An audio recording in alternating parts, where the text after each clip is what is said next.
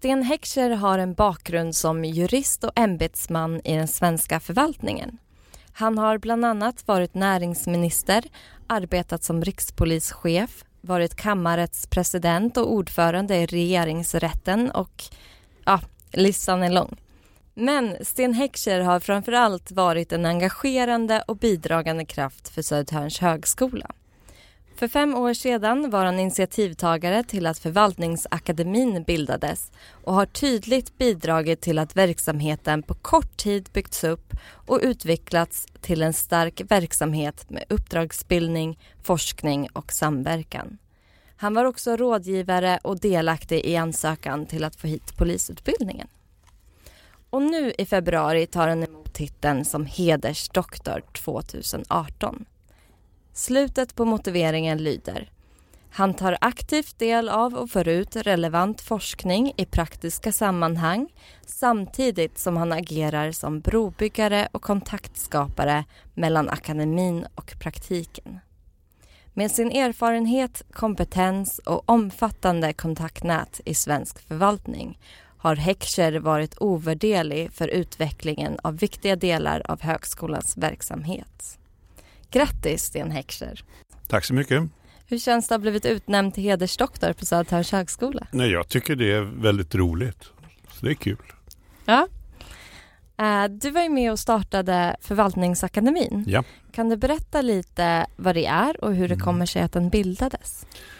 Alltså det, det är frågor som jag har gått och tänkt på i många år. Nämligen att eh, eh, god forskning och god praktik inte riktigt hänger ihop som de borde. Och på det viset blir både forskningen och praktiken sämre än den skulle kunna bli. Eh, så poängen med det här är att eh, bedriva både forskning och utbildning i nära samarbete mellan forskare och praktiker. Och det är själva grundtanken med Förvaltningsakademin, att vi ska kunna göra det. Ja. Och vad menas förvaltning? Vad är det för forskning som ingår i det? Ja, alltså det, det, finns ju en del forskning här på Södertörn, i Göteborg, vid Stockholms universitet och lite av varje. Där man alltså, forskar i hur staten sköts och hur maskinen Sverige funkar. Mm, Okej. Okay. Uh, det står också i motiveringen uh, att du agerar som brobyggare mellan akademin och praktiken. Vad tror du att de menar med det? Jo, men det stämmer väldigt bra tror jag. Alltså jag, har, jag har faktiskt ett, vågar jag påstå, väldigt fint kontaktnät åt båda håll.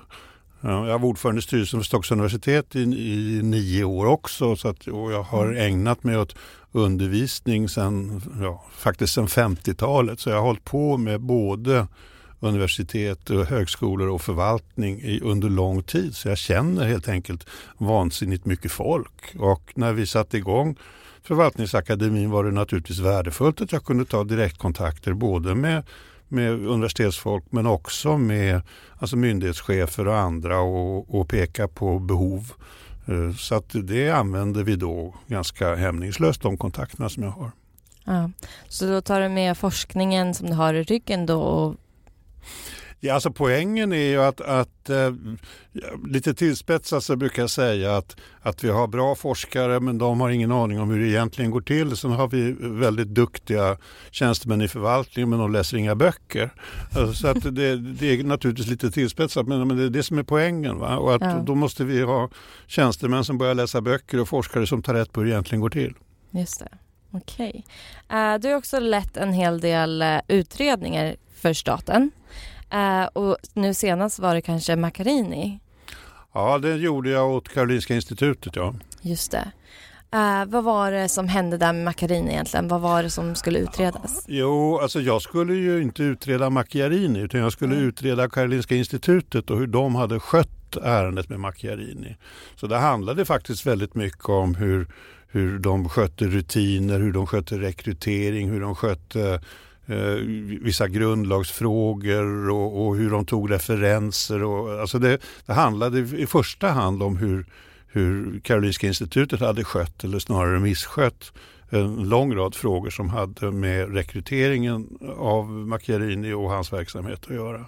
Sen så gjorde Kjell Asplund motsvarande utredning på Karolinska sjukhuset och där stod naturligtvis mera de här eh, strupoperationerna som man gjorde där stod mer i fokus. Men det ägnade ju inte jag mig åt i någon större utsträckning utan jag ägnade mig åt det som hade inträffat på universitetet. Just det, okej. Okay. Uh, och hur kunde, hur kunde det hända? ja, alltså på Karolinska institutet så tycker jag att det är inte orättvist att säga att, att deras verksamhet präglades av en stark nonchalans.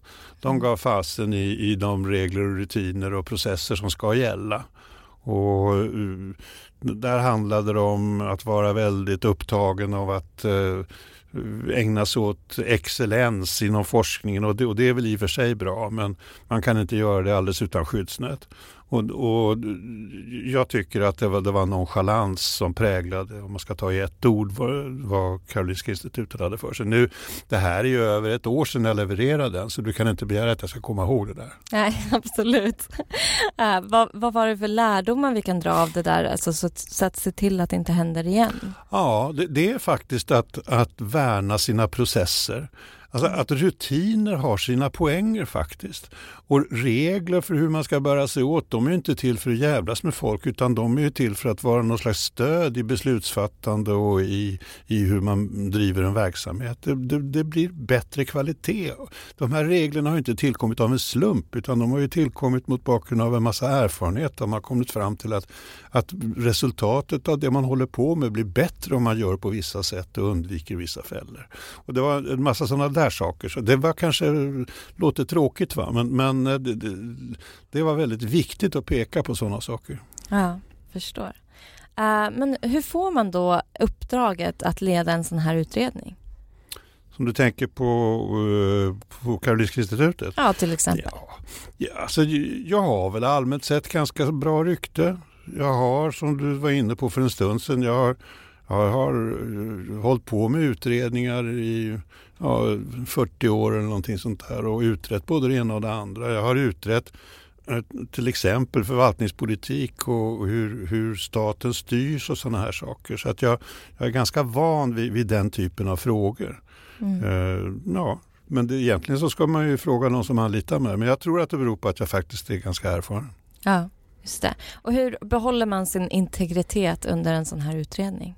Ja, det, det, där är inte alldeles eh, enkelt därför att eh, man kan ju bli påverkad av att man faktiskt ändrar uppfattningar om saker och ting och det behöver ju inte vara allmän eh, populism eller, eller att man är vekt. Men det, goda vänner som håller på med andra saker är en grej som jag tycker är viktigt. Som man då kan tala med om, om eh, viktiga frågor. Personer som, som jag sätter värde på och som inte är direkt involverade i det jag håller på med. Till exempel när jag har utredningar så brukar jag alltid se till att ha med en eller ett par slavar på triumfvagnen. Alltså människor som jag litar på och som jag vet kommer att säga precis vad de tycker. Mm. Och det hade jag i det här fallet också. Jag hade en, en en duktig grävande journalist som heter Ingrid Karlberg. Och, och, det är klart att det hade sina sidor att ha med henne. Vissa saker tog mycket längre tid men, men det, var, det var värt oändligt mycket och jag kunde verkligen lita på henne. När jag mm. höll på med eh, en utredning om hur staten styrs så hade jag bland annat en kompis som heter Måns Lönnroth som jag har känt i evigheter. Som för övrigt var med och hittade på det här med förvaltningsakademin en gång i tiden, 2001 mm. när vi satt och drack några öl. Och, och, och han, jag kunde lita på att han säger verkligen vad han tycker. Alltså det, det har stor betydelse. Mm, Okej. Okay. Um, ehm, och vad kommer du att prata om på din föreläsning nu under akademisk högtid i februari? Ja, det är i februari så ja. jag är inte så noga. Men, men jag, kanske, jag kanske tar upp en del saker just som om hur förvaltningen är beskaffad och vad man kan vänta sig för framtiden och hur den mår och sådana saker. Så det kommer väl att handla om sådana saker som Förvaltningsakademin håller på med. Mm. Just det. Eh, och vad har du för planer för framtiden nu? du, jag är pensionär. Jag, jag, behöver inte arbeta så väldigt mycket mer. Jag har de arbetsuppgifter jag har är jag har några olika grupper, myndighetschefer, generaldirektörer, och landshövdingar och rektorer och sådär som eh, handleds som jag träffar sådana grupper då någon gång i terminen. Jag har fyra sådana grupper. sen har jag ett och annat eh, utbildningsuppdrag. I fredags hade jag ett gäng affärsjurister som jag skulle berätta lite om staten för. Och, ja, jag hade, för ett år sedan hade jag också ett ganska originellt uppdrag där jag medlade mellan LKAB och Gällivare kommun som var osams om ett antal hundra miljoner som rör ersättningen för att de lägger ner Malmberget. Nej, jag håller på med lite av varje men jag vill ja. inte jobba för mycket. Nej, du tar det lugnt hemma istället. Ja. ja det är det väl värd efter alla de här ja, åren kanske. och karriär. Ja. Tack så mycket. Tack själv. Thank